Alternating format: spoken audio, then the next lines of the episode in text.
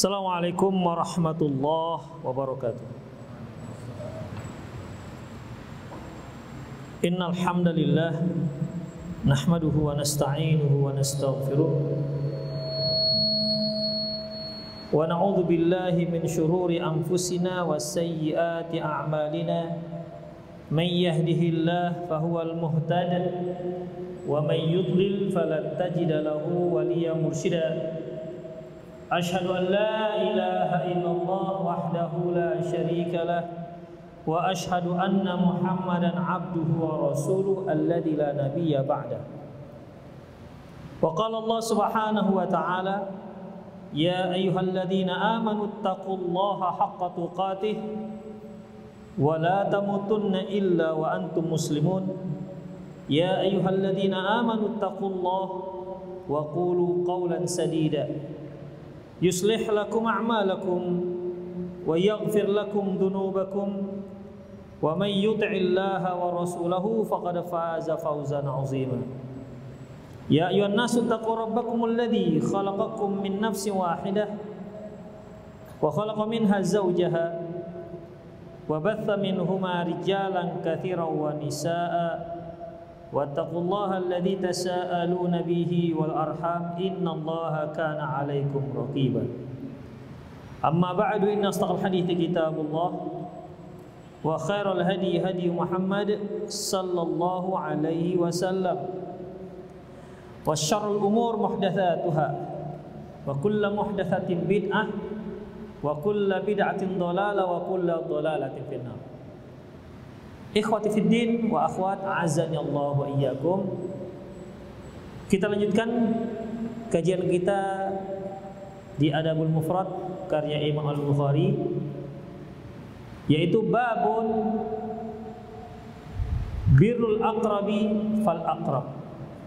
Bab berbuat baik kepada kerabat yang terdekat dan yang terdekat. Maksud ataupun tujuan Imam Al-Bukhari menyebutkan bab ini agar kita bisa melakukan skala prioritas dalam berbuat baik. Hendaklah kita dahulukan yang terdekat dari orang-orang yang ada hubungan silaturahmi dengan kita. Seperti ada orang yang membutuhkan pertolongan, yang satu abang kandung kita. Yang satu lagi abang tiri kita. Tentu kita tahu siapa yang paling dekat. Maka utamakan yang terdekat. Abang kandung kita statusnya lebih dekat terhadap kita ketimbang abang tiri. Kita punya kakak dan juga kita punya sepupu kedua-duanya membutuhkan. Maka yang lebih dekat dengan kita hubungan nasabnya lebih berhak ketimbang yang lebih jauh.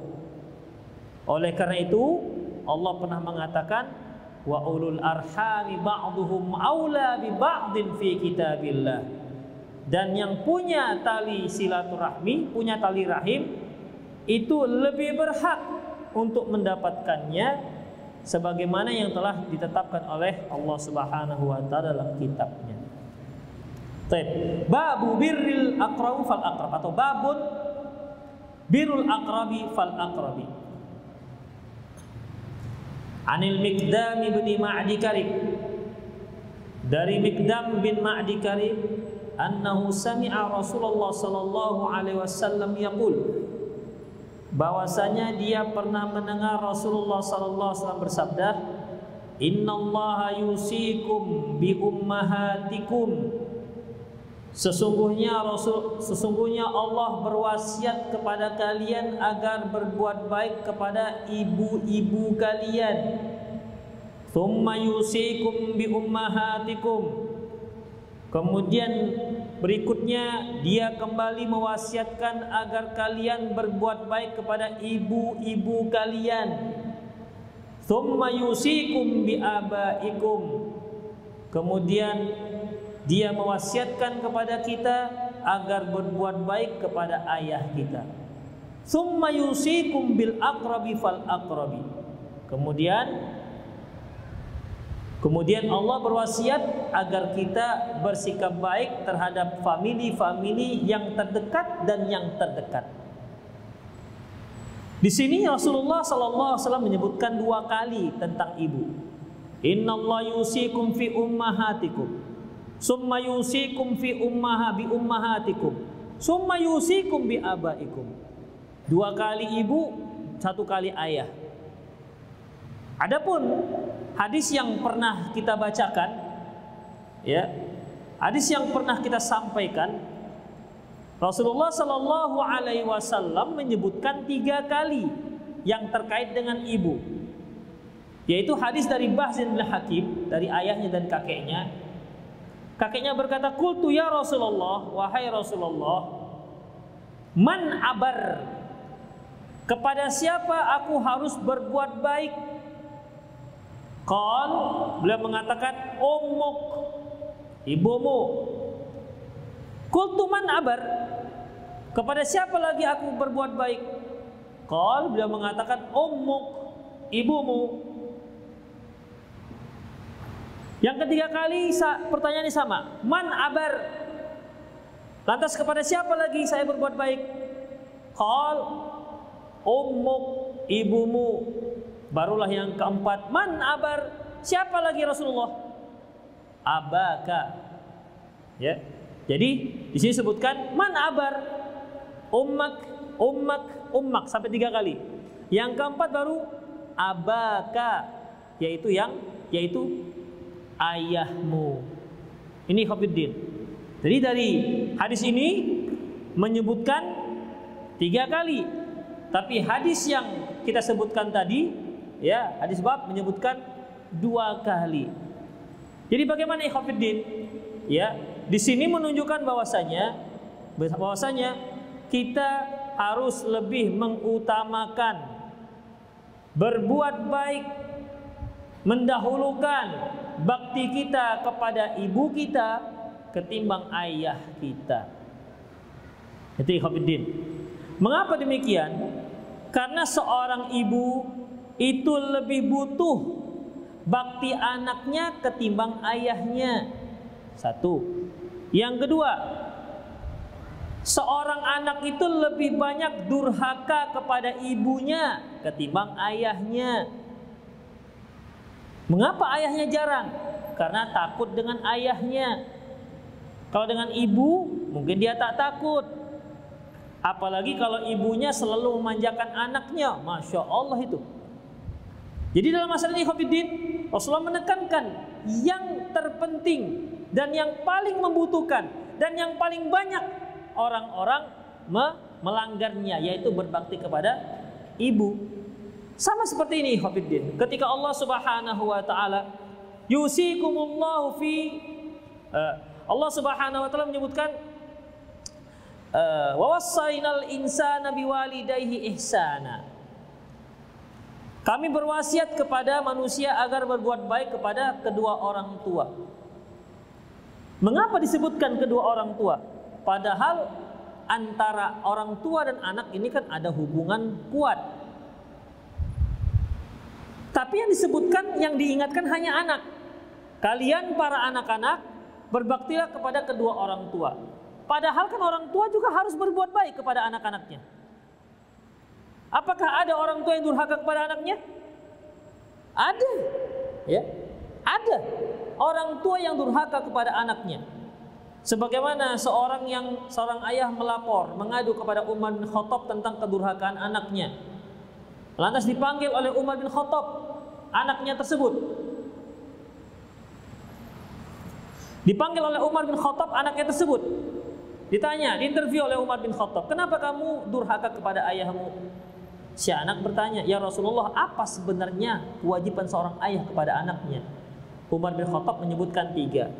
Yang pertama, dia harus memberi mencarikan ibu yang solehah kepada untuk anak-anaknya. Yang pertama.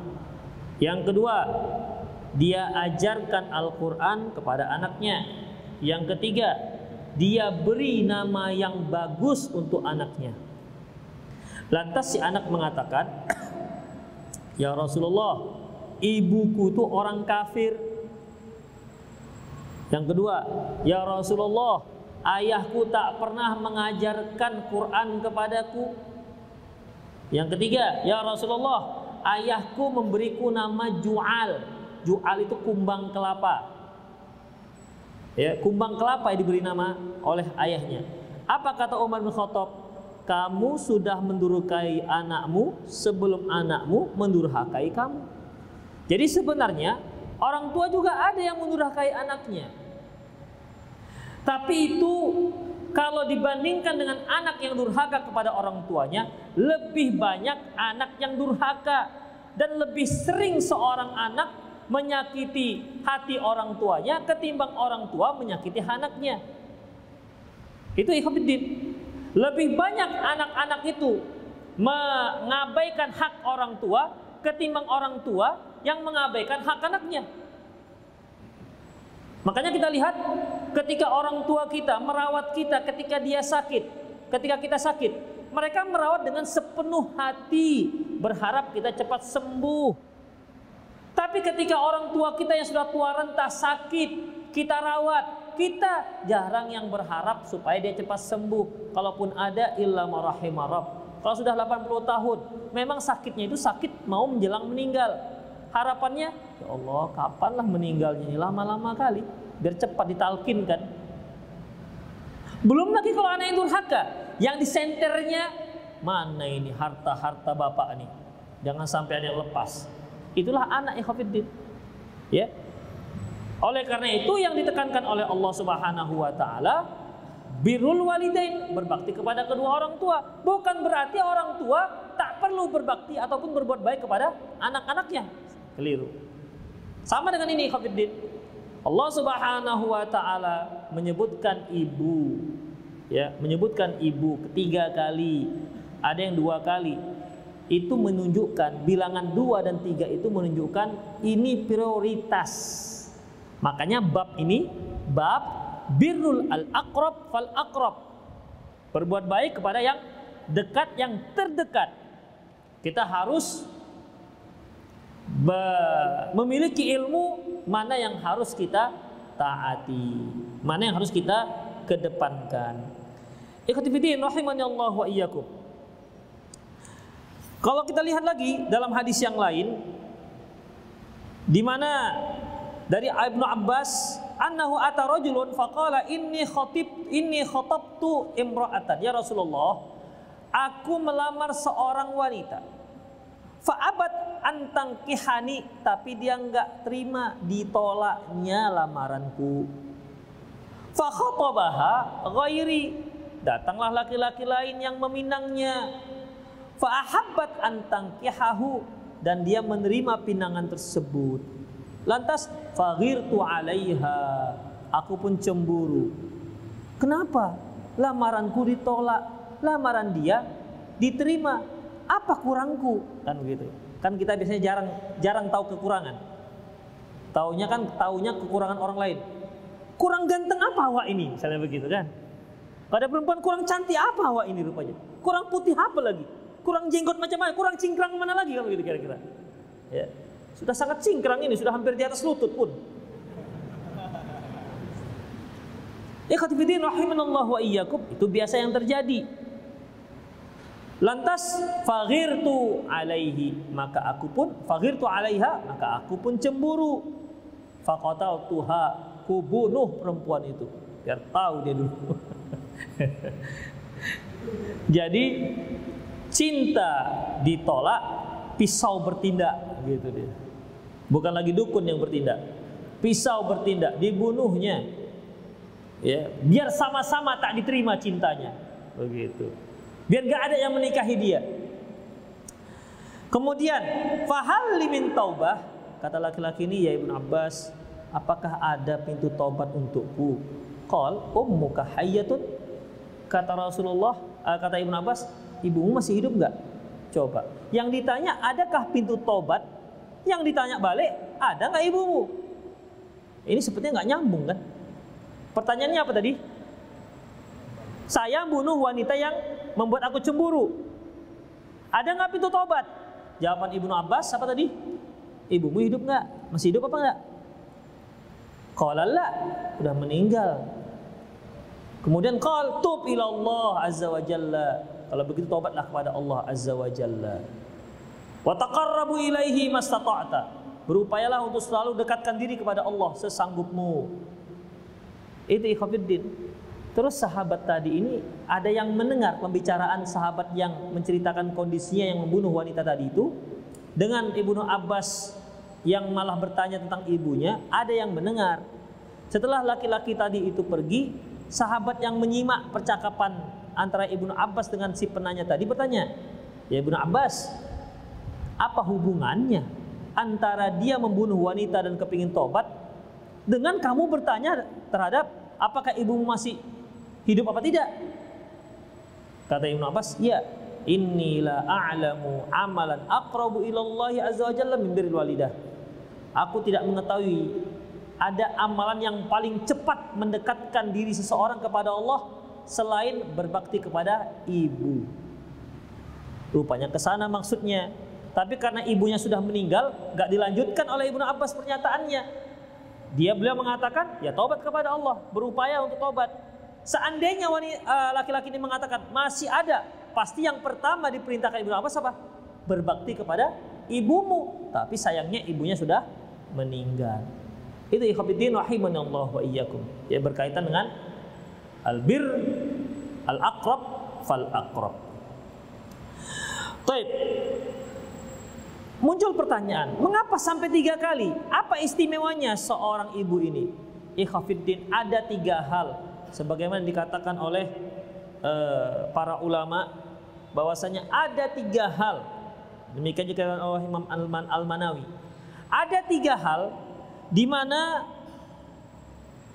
hal itu tidak bisa dilakukan oleh seorang ayah tapi bisa dilakukan oleh seorang ibu ayah bisa mencari nafkah ibu bisa nggak mencari nafkah bisa banyak wanita-wanita single parent Bahkan kesuksesannya dalam dunia dia ada yang jauh lebih lebih banyak hasilnya ketimbang laki-laki yang lain. Itu yang ada. Taib, apa lagi yang laku laki-laki? Kerjanya sebagai apa? Sebagai kuli bangunan. Oh, masya Allah. Sekarang mak-mak kuli bangunan. Apalagi kalau sedang ngecor. Kau perhatikan. Itu sudah antara mama-mama dengan bapak-bapak udah udah 50-50. Itu ngangkat pasir, nuangkan ke mesin molen. Mama-mama sekarang. Ngangkat batu bata, jangan tanya mama-mama. Antum pernah nggak masuk ke pembuatan batu bata? Mama-mama rata-rata. Kenapa? Biasanya lebih murah. Itu kopi sempat saya pernah tanya, Bu, kenapa ibu kerjanya sekasar ini?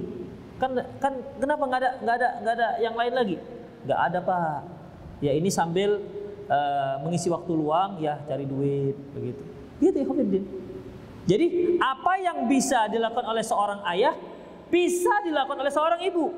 Tapi ada perkara-perkara yang tidak bisa, yang bisa dilakukan oleh seorang ibu, namun takkan mungkin si ayah melakukannya. Pertama, hamil. Coba tunjuk tangan, ayah mana yang pernah hamil? Satu. Kemudian melahirkan. Coba cari ayah mana yang melahirkan. Yang ketiga, menyusui. Tidak ada seorang pun sehebat-hebat ayah, sesoleh-soleh ayah, sesakti-sakti ayah, sakti mandraguna, gak akan bisa dia melakukan yang tiga ini. Hamil, melahirkan, nyusui. Oh ada ustadz, itu berarti pakai selang dia itu. Kalau asli nggak akan mungkin ikhwatiddin. Inilah tiga hal yang dilakukan seorang ibu terhadap anaknya takkan mungkin dilakukan oleh seorang ayah terhadap anaknya. Ini juga yang disebutkan oleh para ulama sebab mengapa disebutkan tiga kali. Man abar ummak, man abar ummak, man abar ummak, man abar abak. Sampai yang keempat baru ayah. Itulah ikhwatiddin rahimani Allah wa iyyakum. Baik. Dalam sebuah hadis yang di yang disahih oleh Syah Albani dari Tariq Al-Muharib, kalau dia berkata, "Qadimna al-Madinah." Ketika kami datang ke Madinah, faida Rasulullah sallallahu alaihi wasallam ternyata Rasulullah sallallahu alaihi wasallam qaimun ala mimbarihi. Beliau sedang berdiri di atas mimbarnya. Lantas khataban nas. Waktu itu beliau sedang memberikan khutbahnya. Wa huwa yaqul, beliau mengatakan, yadul mu'ti al-ulya. Orang yang memberi itu tangannya lebih tinggi. Maksudnya lebih tinggi dibandingkan yang menerima. Kemudian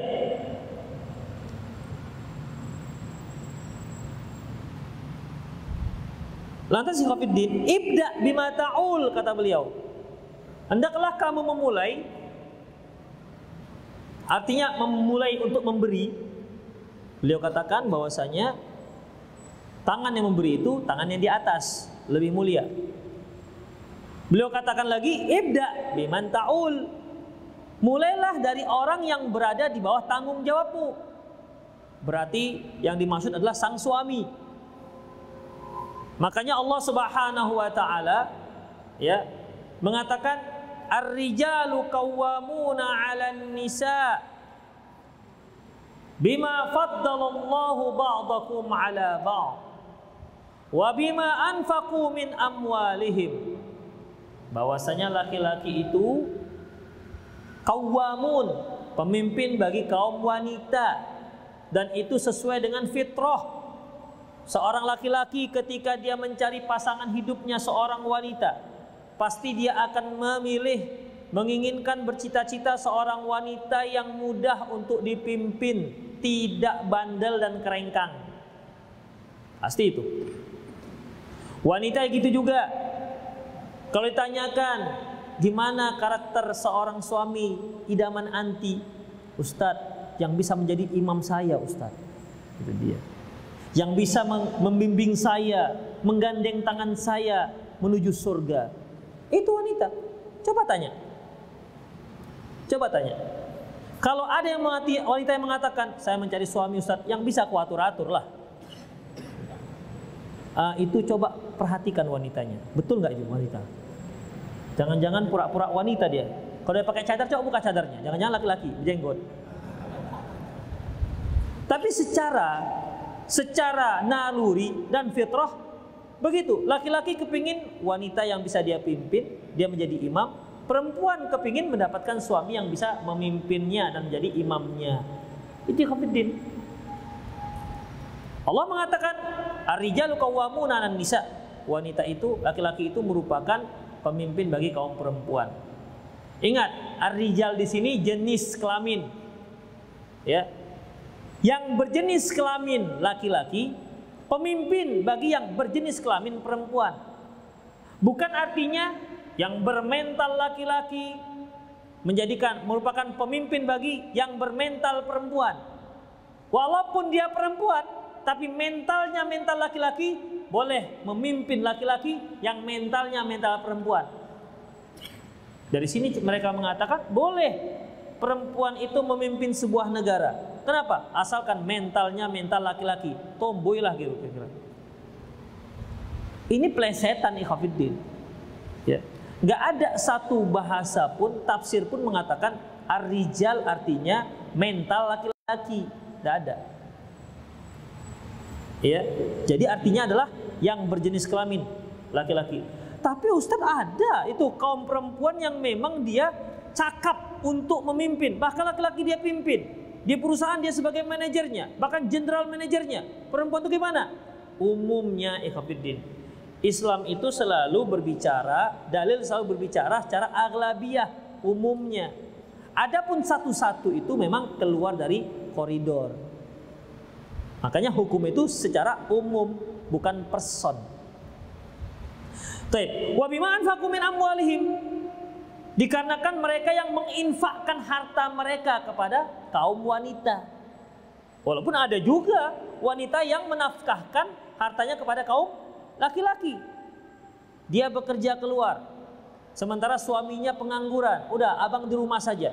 Abang mencuci, urus anak, nyapu, ngepel, masa.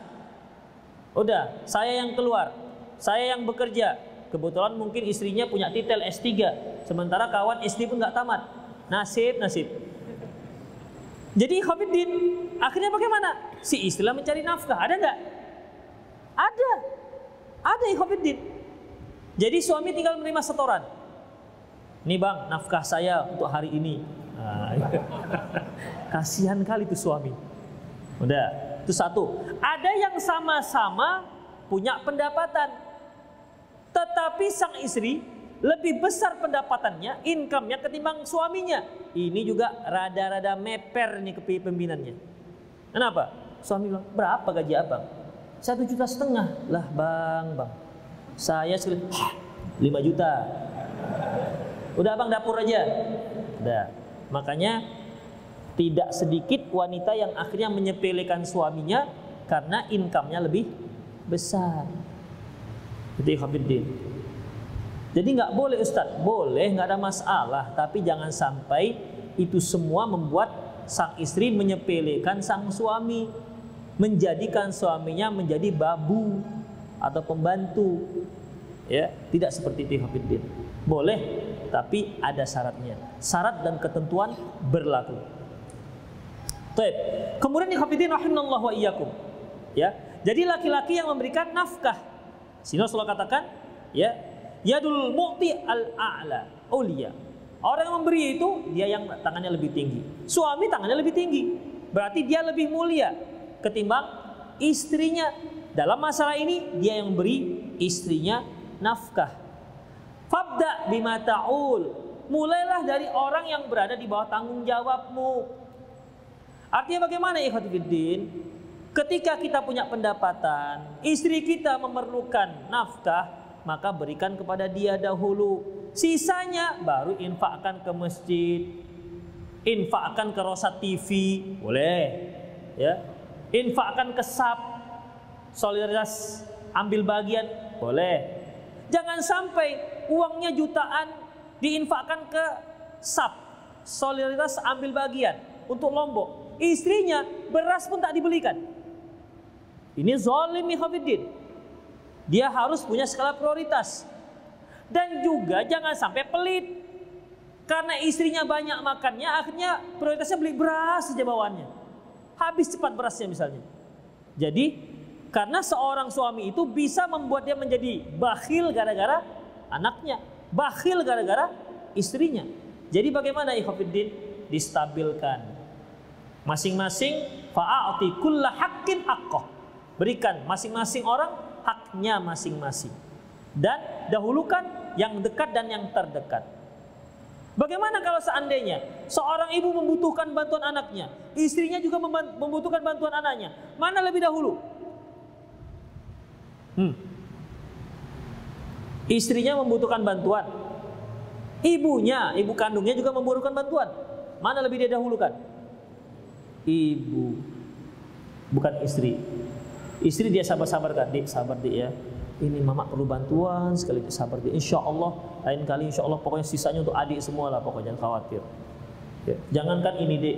Rambulan pun akan kupetikkan ke pangkuanmu dik. Layulah sikit. Jangan kalau kita sudah bantu ibu lantas seolah-olah istri kita kita singkirkan. Di situ yang sering istri menjadi menjadi apa namanya menjadi seolah-olah ibu si suami menjadi saingan dia Pandai-pandailah antum itu berada di tengah ya, mendekatkan dua wanita yang sering terjadi konflik di rumah tangga. Demikian ikhwatiddin rahimani Allah wa iyyakum. Baik. Ibda bima ta'ul. Kamu mulai dari yang kamu tanggung jawabi. Ummuka ya, ummaka ibumu wa abaka ayahmu wa ukhtaka saudara perempuanmu wa akhaka. Dan saudara laki-lakimu. Summa adanaka. Adanaka. Semua kemudian yang terdekat dan yang dan yang terdekat. Ternyata ikhwafiddin kalau diprioritaskan antara kakak dan abang lebih didahulukan abang. Saudara saudara laki-laki kira-kira kenapa? Ada yang bisa menjawab? Kira-kira saja. Kalaupun salah nggak saya suruh pulang lah. Kira-kira kenapa ya Habib? Hah? Laki-laki itu dia penanggung jawab tulang punggung. Perempuan kalau dia belum menikah ada ayahnya. Ayah kita. Kalau dia sudah menikah ada suaminya. Adapun laki-laki dia menjadi tulang punggung keluarga. Itu dia ikhwatiddin. Ya. Oleh karena itu dalam ilmu waris lidzakari mithlu hadil unsayain. Bahagian laki-laki itu dua, bagian perempuan satu. Karena kalau perempuan dapat harta warisan itu nggak rusak. Dia nggak perlu menjualnya untuk memberi nafkah, nggak perlu. Kenapa? Dia punya suami. Kalau rumah tangganya lagi stabil, beda dengan sang suami, beda dengan seorang suami laki-laki. Warisannya bisa rusak. Kenapa? Karena dia memberi nafkah. Kalau nggak cukup, dia jual warisan, berikan untuk anak istrinya. Itulah ikhwatiddin rahimani Allah wa iyyakum. Jadi dalam masalah ini ya kita harus berbakti, berbuat baik kalau untuk orang tua namanya berbakti, kalau untuk apa namanya? Kalau untuk kerabat berbuat berbuat baik. Ikhwatiddin rahimani Allah wa iyyakum. Dalam hadis yang lain Rasulullah mengatakan al khalatu bimanzilatil um. Bahwasanya bibi dari pihak ibu itu sama statusnya seperti ibu. Bibi dari pihak ibu, kholah. Bibi kita kan ada dua. Ada dari pihak ayah, ada dari pihak ibu. Dari pihak ayah namanya ammah. Dari pihak ibu namanya kholah. Kenapa ammah ini nggak disebutkan? Karena sebenarnya dia lebih dekat. Orang Arab terdahulu, orang Arab Arab, orang-orang Arab, mereka itu lebih dekat dengan keluarga bapak ketimbang keluarga ibu. Ya. Karena itu juga menjadi wali mereka. Beda dengan kita di Indonesia. Lebih dekat dengan keluarga ibu ketimbang keluarga bapak. Allahu alam mengapa sebab demikian? Coba, antum bisa nggak rasakan? Kita itu bisa lebih dekat kepada keluarga ibu ketimbang keluarga bapak. Gimana kira-kira? Antum gimana? Ada yang enggak? Hah? Kalau enggak berarti antum orang Arab. Arab malum. Itu Enggak tahu mungkin tuh kulturnya orang Indonesia. Ya. Allahu alam bisawab penyebabnya itu. Tuh, demikian ikhwatiddin ya. Jadi kita dalam berbuat baik harus punya skala prioritas. Cukuplah ya. Sampai kali saya tadi. Ya, tadi habis pulang taklim langsung kejar kemari. Demikian semoga bermanfaat. Aku lu qauli hadza wa astaghfirullah li wa lakum muslimin innahu rahim. Yang bertanya silakan. Fan kalau terlalu cepat. Tapi tidak apa. Persiapannya tadi sudah sampai bab berikutnya tapi nanti terlalu lama menggunakan waktu. Assalamualaikum Ustaz, bagaimana memulai ta'aruf tapi akhwatnya belum ngaji. Ini matanya ini perlu diruqyah ini orang.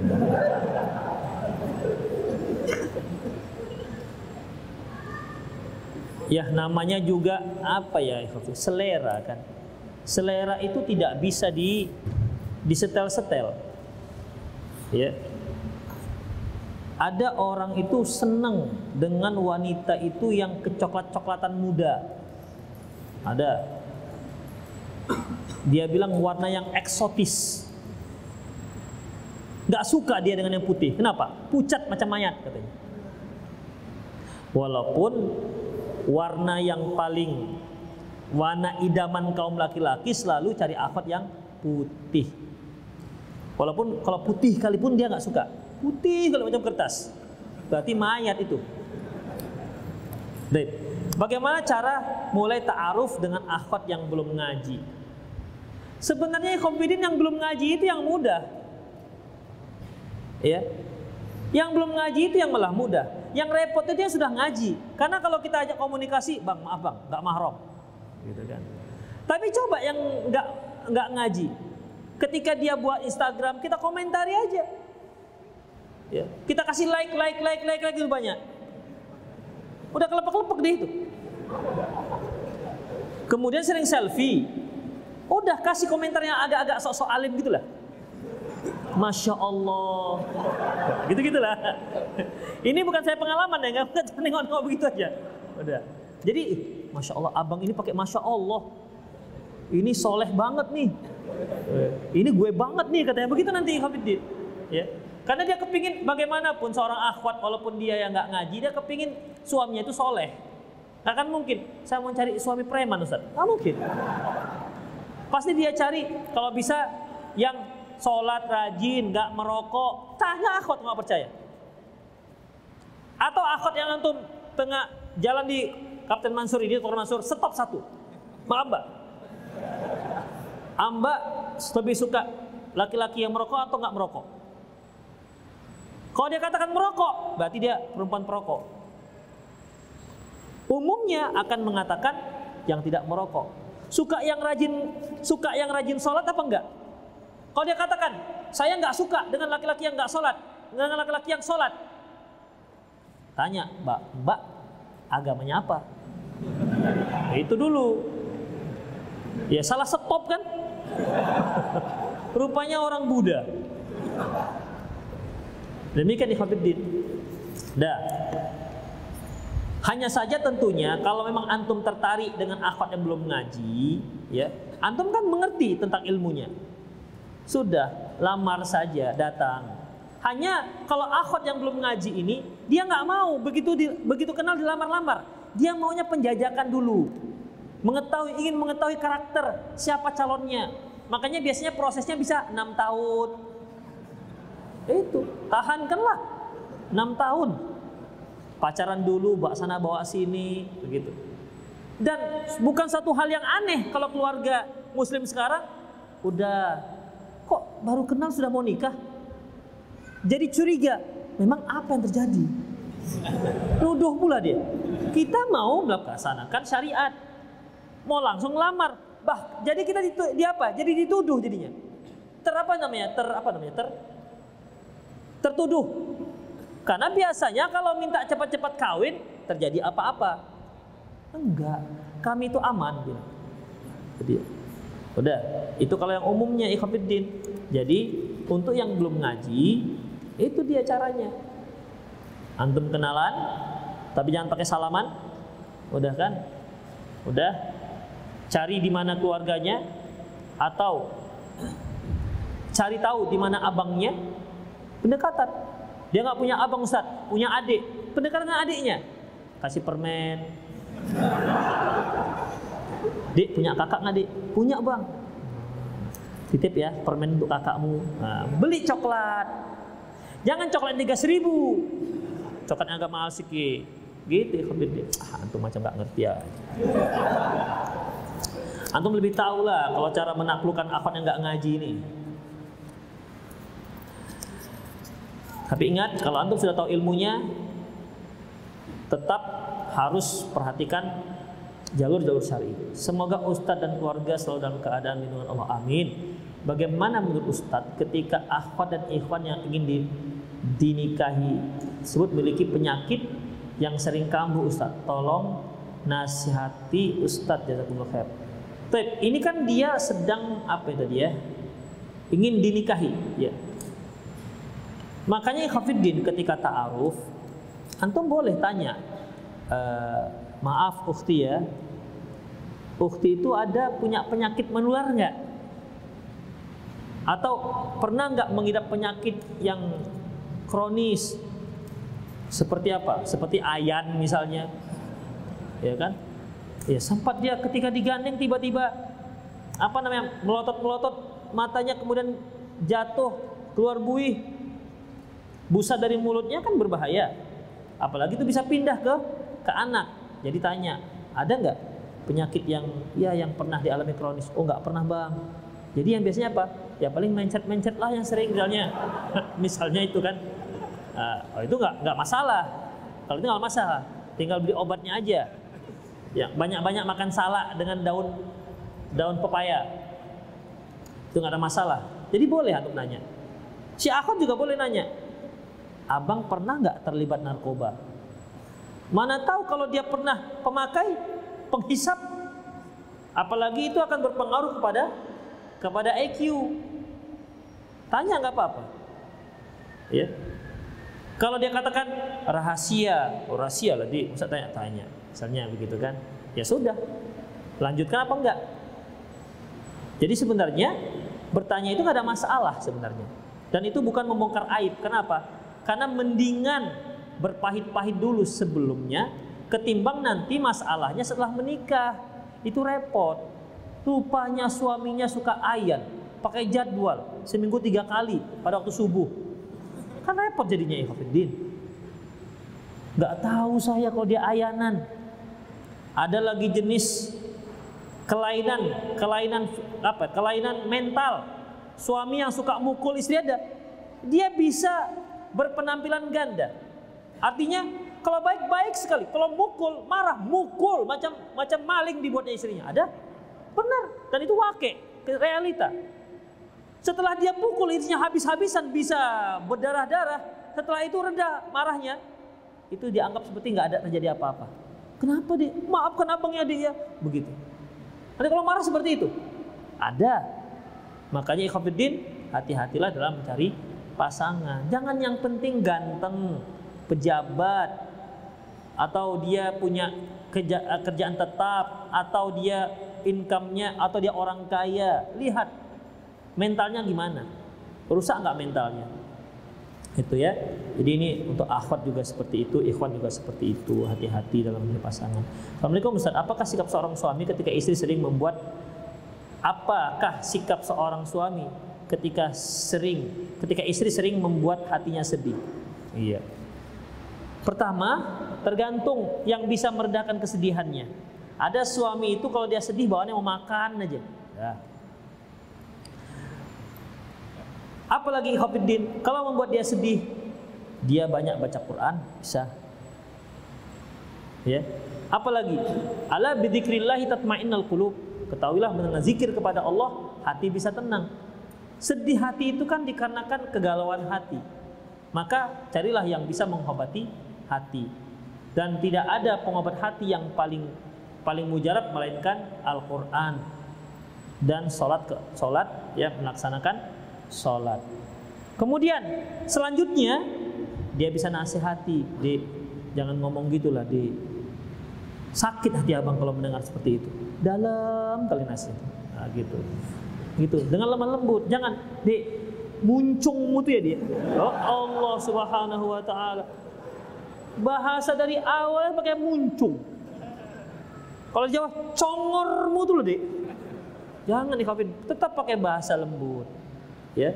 Ud'u ila sabili rabbika bil hikmati wal mau'izah. Dek, jangan ngomong gitulah. Sakit hati abang kalau seperti itu. Kasih tahu Ikhwanuddin. Terkadang para istri itu gak tahu kalau ucapan itu menyakiti hati sang suami. Misalnya, gurau, ih abang hitam kali sekarang ya. Sementara Ikhwanuddin masalah warna itu dari semenjak dia lajang itu sangat riskan, nggak boleh disebut-sebut masalah warna. Sama dengan akhwat. Kalau disinggung masalah berat, itu masalah yang sangat sensitif. Iya. Yeah. Kalau masalah berat, ada yang seperti itu. Macam-macam nih Khofiddin. Ada yang kalau disinggung masalah keluarga, sensitif dia. Jadi, hendaklah dibuka komunikasi. Makanya kan ada seorang seorang wanita yang dinikahi oleh seorang kodi yang namanya lupa saya Sureh atau siapa namanya ya sebelum dia memegang istrinya apa kata istrinya istrinya memberikan mukaddimah innal hamdalillah nahmadu wa nasta'inu wa nastaghfiruh kemudian apa kata istrinya sebelum engkau menyentuh saya beritahukan kepadaku apa yang engkau suka dan apa yang engkau tak suka jadi istri juga boleh seperti itu Seorang akhwat kalau dilamar oleh seorang sua, uh, sudah menikah, malam pertama dia bisa melakukan seperti itu. Pakai mukadimah juga nggak apa-apa, tapi jangan lama-lama kali mukadimahnya. Ya, sekedar mukadimah. Sekarang bang supaya terbuka apa yang abang tak suka dan apa yang apa yang abang suka.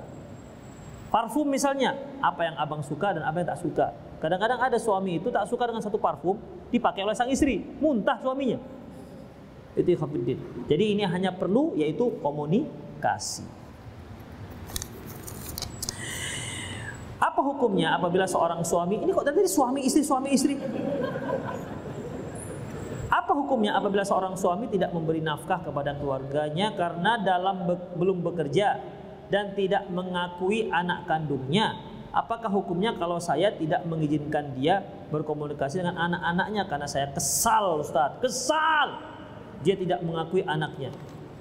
Pertama, ikhwatiddin, Seorang suami apabila dia tidak memberi nafkah pada istri, anaknya dan istrinya, dosa. Karena itu kewajibannya. Tapi dia belum bisa belum bekerja, Ustadz. Kenapa kok bisa belum bekerja? Belum belum diterima. Memangnya bekerja itu harus di kantor. Banyak pekerjaan nih Khofiddin. Antum ambil karung, jalan keliling kampung, kutipin itu botol-botol aqua. Jadi duit. Atau apa lagi? Pergi ke pabrik roti, minta dispensasi, jual baru bayar. Jual roti keliling. Saya pernah jual roti keliling. Ya, empat hari saya jual roti keliling. Jual roti donat. Apa oh, donat paha ayam itu yang ditaburi coklat. Empat hari saya jualan roti, seminggu saya sakit.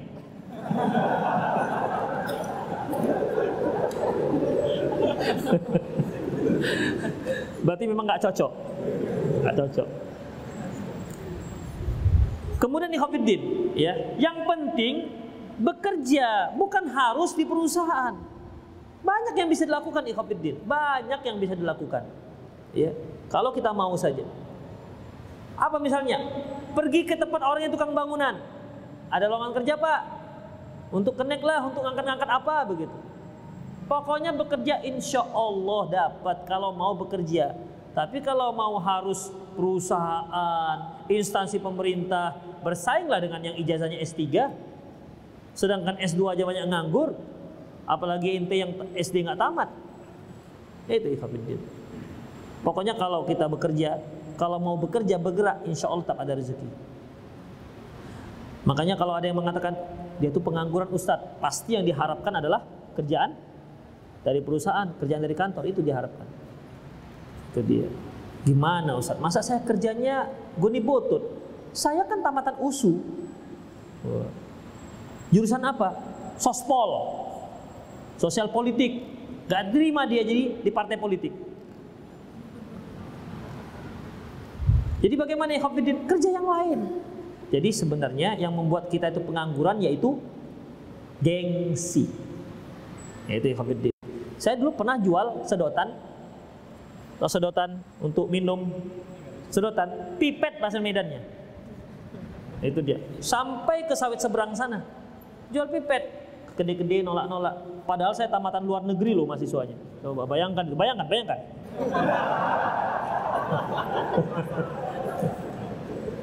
jual pipet, jual plastik asoy, jual apa lagi? Jual uh, roti dan pernah juga dua tahun styling jam, servis jam di Kampung Lalang di kaki lima. Kalau hujan kehujanan, panas kepanasan.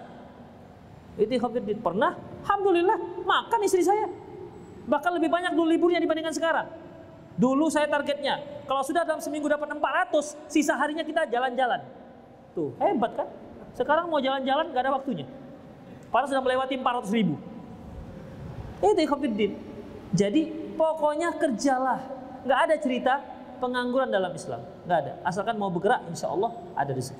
Ustadz, saya melamar seorang akhwat. Lalu dia menerima. Tadi pertanyaannya apa ya? Penyakit kan? Oh penyakit sudah lewat ya. Baik. Kemudian, boleh nggak saya melarang dia bertemu dengan anaknya? Nggak boleh. Ya. Kalau si istri mau putus dengan suaminya alias cerai, boleh tapi si istri tidak boleh menghalangi si suami ah, bertemu dengan anaknya karena itu sama artinya dengan memutus tali silaturahmi apa pun ceritanya seburuk apa pun ayahnya itu tetap ayahnya tak bisa diputus sebagaimana dengan ibunya Jadi gimana Ustaz? Saya kesal sekali dengan suami saya ini. Iya, kesal bersabarlah. Semoga Allah Subhanahu wa taala memberikan jalan keluar. Itu ya ikhwatiddin. Kemudian nggak mengakui anaknya. Kenapa dia nggak mengakui anaknya? Ya. Kalau seandainya itu adalah anaknya benar, nggak diakui, maka dia termasuk dosa besar yang terbesar. Termasuk dosa besar yang terbesar yaitu memutuskan tali silaturahmi. Ustadz saya melamar seorang akhwat, lalu dia menerima dan sudah komit di akhir tahun menikah. Lalu dia batalkan secara sepihak dan tanpa ada alasan. Apakah boleh membatalkan seperti itu? Gak masalah. Makanya ikhwatibiddin, kalau antum melamar seorang akhwat, jangan sampai ada cinta-cintaan sebelumnya. Itu dia. Jadi antum tuh freedom, merdeka. Tidak terikat hati antum tuh dengan seorang akhwat. Jadi antum lamar, oke. Okay. Akhir tahun, oke. Okay. Dia putus, nggak masalah. Tidak satu kembang di taman. Bahkan banyak yang lebih mekar dibandingkan dia. EGP lah. Hafiddin. Emang dia aja seorang akhwat, banyak yang lain. Ya mungkin ketika dia batalkan, dia melihat ada yang lebih perfect dibandingkan antum. Itu dia. Dan ini adalah jawaban dari istikharah antum. Istikharah itu kan Allahumma inni astaqdiruka bi ilmik wa asta Allahumma inni astakhiruka bi ilmik wa astaqdiruka bi dan seterusnya. Kan ada kalimat Allahumma. Ya Allah apabila aku menikahi wanita ini baik untuk agamaku untuk akhiratku maka permudah. Kalau tidak maka jauhkan aku dari dia dan jauhkan dia dariku. Kan itu isi doa istikharah. Kalau ternyata batal, ketahuilah itu jawaban dari Allah Subhanahu wa taala. Kalau dilanjutkan itu, itu tak baik untuk Anda. Tapi Ustadz, Masya Allah dia solehah banget Ustadz. Hafal juz 30. Bukan 30 juz, juz 30. Sesoleh apa pun dia, dia belum tentu cocok dengan antum. Itu Khafiddin. Mungkin lebih cocok yang akhwat itu yang kurang-kurang soleh Supaya apa? Supaya antum lebih banyak dapat pahala dengan mendidik dia. Lebih banyak dapat ilmu jariahnya. Ajarkan dia sholat. Ternyata lepas yang hafal juz 30 dapat yang baru selesai tamat ikro 2 akhwatnya. Ajarkan dia. Ketika dia mahir baca Quran, setiap huruf yang dia baca, antum ikut dapat pahalanya tuh kan. Makanya khafir yakin hidup ini. Jangan lempem, Jangan ketika batal seolah-olah dunia ini runtuh. Dunia ini tetap berkembang dan tak akan runtuh sampai kiamat. Jangan gantungkan harapan dan cita-cita antum dengan hanya seorang akhwat. Biarkan dia memilih jalannya, antum pilih jalan antum. Demikian, antum tuh laki-laki. Ya. Yang menentukan dunia ini laki-laki, bukan perempuan. Begitu.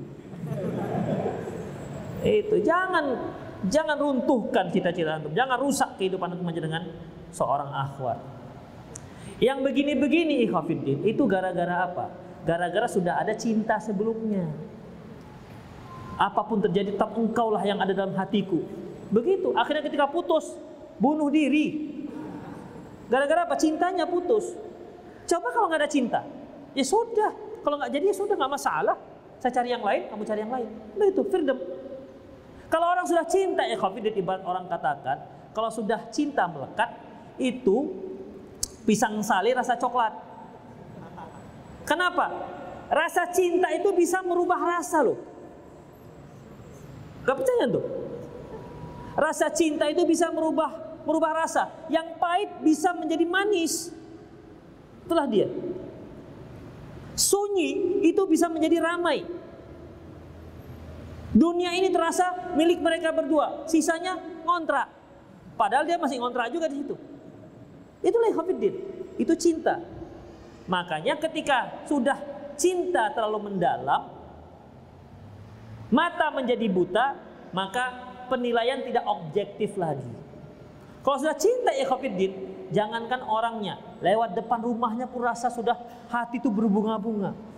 Tadi saya lewat depan rumahnya loh. Nampak sendalnya ya Allah. Ya Allah sendalnya aja nampak. Senangnya luar biasa itu gara-gara cinta itu. Ya. Itu masih sendalnya belum orangnya. Kira-kira betul apa enggak? Oh, banyak ngangguk. Sepertinya 25% pernah mengalami.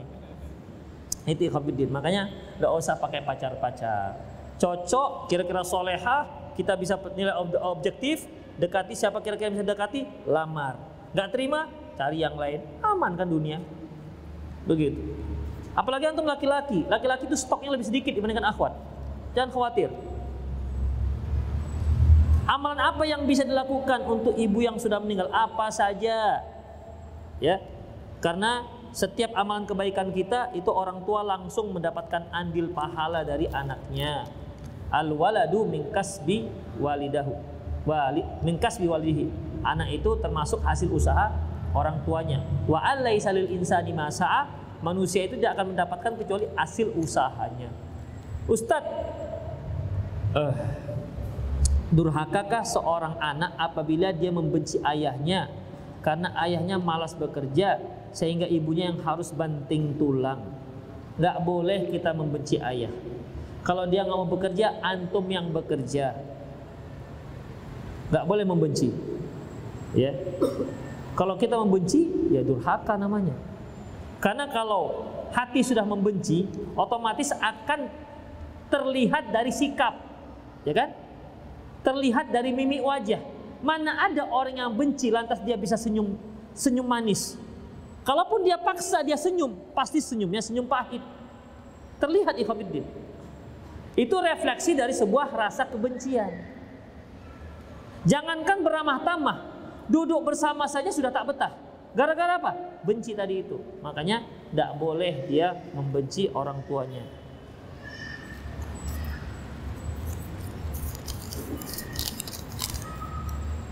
Panjang kali. Ya Allah. Akhwat ini nggak bisa buat pertanyaan yang simpel-simpel ya. Ustadz bagaimana cara saya menghadapi teman yang tidak mau bicara dengan saya? Biarin aja EGP. Karena saya tidak bisa datang ke acara akikah keponakan saya dikarenakan saya kuliah masuk jam 1 siang pulangnya sampai jam 6 sore. Saya sudah minta maaf tapi beliau tetap tidak mau maafkan. Udah biarkan aja. Ngapain kita mikirkan seperti itu? Kena kalau dia merasa benci udah jelaskan afwan ya ukti saya tadi nggak bisa hadir karena begini-begini tetap dia sudah biarkan saja nggak usah mohon tolonglah tolong maafkanlah diriku. Untuk apa seperti itu? Ustadz pernah mengatakan ibu tiri dan ibu mertua itu tidak sama dengan ibu kandung. Betul? Apakah ini berarti seorang menantu boleh tidak menghormati mertua? Salah. Itu kesimpulan yang salah. Ya. Berbakti ada prioritasnya. Yang prioritas adalah orang tua kandung, bukan orang tua tiri. Kemudian yang namanya menghormati seluruh orang tua Bukankah Rasulullah mengatakan laisa minna man lam yarham saghirana wa lam yakir kabirona. Tak termasuk kelompok kami mereka yang tak me menyayangi yang lebih kecil dan tidak menghormati yang lebih besar. Apalagi mertua. Dia termasuk kerabat terdekat. Jadi salah kalau kesimpulannya tidak menghormati. Ustadz, apa yang harus anak persiapkan ketika mau menikah? Pertama, persiapkan mental antum. Yang kedua, siapkan fulus itu dia. Kecuali kalau ada mertua yang rela-rela saja. Pak, saya mau melamar anak bapak. Terus sekalian melamar kerja bapak. Minta kerja sekalian. Oh, inilah yang saya harapkan dari kemarin misalnya begitu. Wah, itu betul-betul dapat durian runtuh itu. Karena saya punya ruku tiga, sampai sekarang belum ada yang bisa mengelolanya. Kamu nampaknya orangnya bagus, berjenggot, cingkrang. Mestinya kamu jujur, udah nggak apa-apa besok kamu nikah dengan anak saya sekaligus ini tiga ruko kamu ngelola. Wih, masya Allah. Cari mertua begitu, cari. Belakangan ini saya tidak tidak bicara berbicara kepada ibu saya karena belakangan ini saya diterima kerja di luar kota dan ibu saya tidak mengizinkan. Oh, nggak boleh. Nggak mengizinkan, nggak boleh, Hafiddin. Lantas saya kesal Ustadz, ya nggak boleh, apalagi kesal. Apakah tindakan saya ini benar? Salah, tetap izin orang tua. Orang mau jihad saja yang hukumnya wajib harus izin orang tua. Apalagi hanya sekedar bekerja. Kadang orang tua itu ya Khabiruddin ingin melihat. Saya dulu waktu keluar dari pondok, saya tanya, Pak, saya panggil memanggilkan diri saya itu kan Ali. Ini cocoknya apa ya? Seteling jam atau jual jual donat? Kata bapak saya, Gak usah jual donat lali, susah bapak nanti kalau ketemu.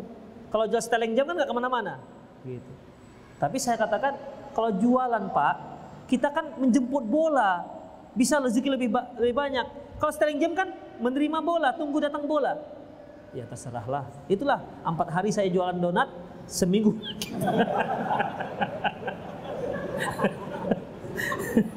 seminggu sakit. Kemudian pas sakit itu kebetulan entah bagaimana ayah saya datang. Ayah saya kan orang Padang, manyo si Ali. Ada pak sakit, ah kan? Bapak bilang juga apa? itu dia. Bagaimana hukumnya kencing di sembarang tempat? La ilaha illallah. Ini kok ditanya. Kencing di sembarang tempat nggak pakai dalil juga nggak boleh. Kencing sembarang tempat, masuk masjid dakwah, kencing di ujung sana. Ya jelas nggak boleh lah ya. Astagfirullah. Ana sebelumnya pernah mendengar tentang ajaran tasawuf dan Ana bingung Ustaz ajaran tasawuf itu ajaran yang bagaimana, termasuk ajaran yang bagaimana. Ada buku, cari buku yang judulnya Darah Hitam Tasawuf yang ditulis oleh Syekh Ihsan Ilahi Zahir. Ustadz dalam soal nisa dikatakan bergaulah dengan mereka pada dengan cara yang patut. Jika kamu tidak menyukai istri, maka bersabarlah karena boleh jadi kamu tidak menyukai sesuatu padahal Allah menjadikan kebaikan yang banyak padanya. Tolong jelaskan maksud ayat ini. Eh Khafiddin, ketika seorang masih lajang dan seorang masih gadis, itu selalu yang dibayangkan adalah seorang suami yang seolah suami tanpa cacat. Inginnya soleh, rajin ke masjid, kemudian pendapatan oke, ganteng. Pokoknya yang empat itulah. Semua kepingin begitu. Apalagi kenapa para akhwat suka suka men, apa menunggu ikhwan yang sudah ngaji. Inginnya apa? Inginnya agar mereka bisa membimbing. Ya. Maunya itu kalau sudah ngaji, ya betul-betul soleh macam Nabi. Gak ada lagi main game, nggak ada lagi main futsal, gitu kan? Nggak ada lagi ya main catur. Ternyata ketika yang datang melamar dia masuk jenggotnya sampai ke pusat. Wah ini soleh betul. Tengok ke bawah, cingkrang setengah betis, hampir di atas lutut. Ya, ini soleh betul ini. Ketika nikah, ternyata hobinya main game. Ketika nikah, ternyata hobinya main catur misalnya di luar dugaan. Ini bagaimana ikhwafiddin? Ya sama dengan dengan ikhwan juga begitu, kepinginnya kalau bisa akhwat yang sudah ngaji lah Ustadz, tapi yang cantik ya Ustadz. Nah gitu, cantiknya itu nggak bisa hilang. tapi cantik ya Ustadz. Iyalah, dah. Bayangannya apa? Akhwat pinter ngaji, lembut, lemah, eh lemah lembut maksudnya, lemah lembut, pokoknya semualah. Ternyata ketika menikah ini akhwat kok kerjanya banyak tidur. Gak bisa masak. Yang dia bisa masak yaitu hanya masak air. Itu pun sering gosong. Orang masak ditinggal gosong lah periuk sampai bolong gitu. Itu bagaimana ya Khofiddin aduh. Ternyata akhwat ini juga nggak pandai masak. Itu namanya PR Ikhafiddin. Ketika antum sudah memilih dan inilah yang terbaik insya Allah istikharah dan jadi itulah yang terbaik untuk antum beserta kekurangan demi kekurangan. Karena nggak ada wanita itu yang nggak ada nggak ada kekurangan sebagaimana tak ada suami yang tidak ada kekurangan. Jadi saling saling melengkapi kalau ada suami kekurangan istilah bang janganlah bang main game saja bang ayolah kita baca Quran begitu ya atau kita yuk kita berlomba bang lomba menghafal juz 30 gimana? Begitu. Kadang-kadang kan suami ini karena emang dari mulai lahir sudah dia main game hobinya. Sudah dari lahir ya hobi game. Sukanya main game. Di tempat dia itu ada PlayStation 1, 2, 3, 4 banyak. Dari main bola sampai basket, dari game Spiderman sampai Superman ada dengan dia semua. Dari Superbike sampai ke F1 semua ada dia. Jadi kalau sudah liburan dari mulai pagi sampai pagi itu aja kerjanya. Sudah mulai ngaji, ngaji ya, tapi game masih belum masih belum bisa dihilangkan. Jadi si istri lah bagaimana caranya supaya menyibukkan suami untuk hal-hal yang penting. Ayo bang kita masak sama yuk bang. Nah, gitu. Ayo apa kita juga kita belanja sama bang. Apa lagi baca Quran sama bang. Begitu ya pelan-pelan. Antum juga begitu. Kalau antum kebetulan mendapat istri yang suka tidur, tidur aja bawaannya. Dunia ini datar aja menurut dia. Gak ada tugas yang lain misalnya. Sudah, sibukkan dia dengan kegiatan-kegiatan begitu ya. Tapi tidak ada akhwat yang buruk 100%, sebagaimana tidak ada ikhwan yang buruk 100%. Kalau dia punya kekurangan, pasti banyak kelebihan. Ketika kita melihat kekurangan jangan sampai kita melupakan kelebihannya. Itu Khafidin. Ada akhwat itu yang nggak cantik-cantik kali Khafidin. Nggak pandai dandan, tapi rumah kinclong. Masak, Masya Allah. Ngurus rumah tangga, ngurus anak. Tapi satu hal, dia nggak pandai bedaan. Ada. Ada yang Masya Allah besegeh aja kerjanya. Masalah dandan referensinya segini ya dari make upnya tahu dia mana lipstick yang memiliki vitamin A, B, C dan D. Tahu semua. Tapi suruh masak, hmm. Suruh suruh beli ikan, dipilihnya yang mata merah. Gak pandai dia pilih ikan. Ini bang, alhamdulillah bang, awak dapat ikan murah. Perutnya sudah meletus, matanya sudah merah, ya ikan busuk. Murah lah nggak tahu dia nggak pernah beli ikan. Kan bisa nggak mungkin seperti itu. Demikian ikhwafiddin. Itu dia. Jadi pasti ada kelebihannya. Ya, pasti ada kelebihannya. Lihatlah kelebihannya. Jangan sampai kekurangannya itu menutupi ke kelebihannya. Jadi wa'ashiruhun nabil ma'ruf dan bergaulah dengan dia dengan cara yang baik. Fa'asa anta syai'an bisa saja engkau membenci sesuatu yang dari dia Wajah Allah fihinna khairan kathira. Allah jadikan selain itu banyak kebaikan dari dia. Itu ikhafidin. Ya. Sudah jam 6. Dari tadi saya tunggu jam 6, nggak sampai-sampai jam 6. Satu lagi lah. Mohon penjelasannya Ustadz. Maksud dari surah Al-Waqi'ah ayat 13 sampai 14 dengan ayat 3, 39 sampai 40. Gak tahu saya yang mana itu ayatnya. Saya nggak hafal nomor ayatnya, nomor nggak tahu, nggak hafal. Panjang. Oh inilah ya, ikhwan. Nah, ini baru singkat padat. Assalamualaikum Ustaz. Maksud menjadi imam dalam rumah tangga itu bagaimana? La ilaha illallah. Jadi dari tadi saya cerita suami itu menjadi imam, antum nggak paham maksudnya. Imam itu bukan hanya untuk sholat, artinya yang menjadi pemimpin, membimbing anak dan istri, mengayomi mereka supaya bersama-sama meraih ridho Allah Subhanahu wa taala itu artinya imam. Ya. Jadi bukan hanya sekedar imam salat. Demikianlah semoga bermanfaat. Lebih dan kurang mohon maaf. Aku lu qauli hadza wa astaghfirullah li wa lakum wa lisal muslimin innahu ghafurur rahim. Subhanakallahumma wa bihamdik asyhadu an la ilaha illa anta astaghfiruka wa atubu ilaik. Wa da'wana alhamdulillahi rabbil alamin. Assalamualaikum warahmatullahi wabarakatuh.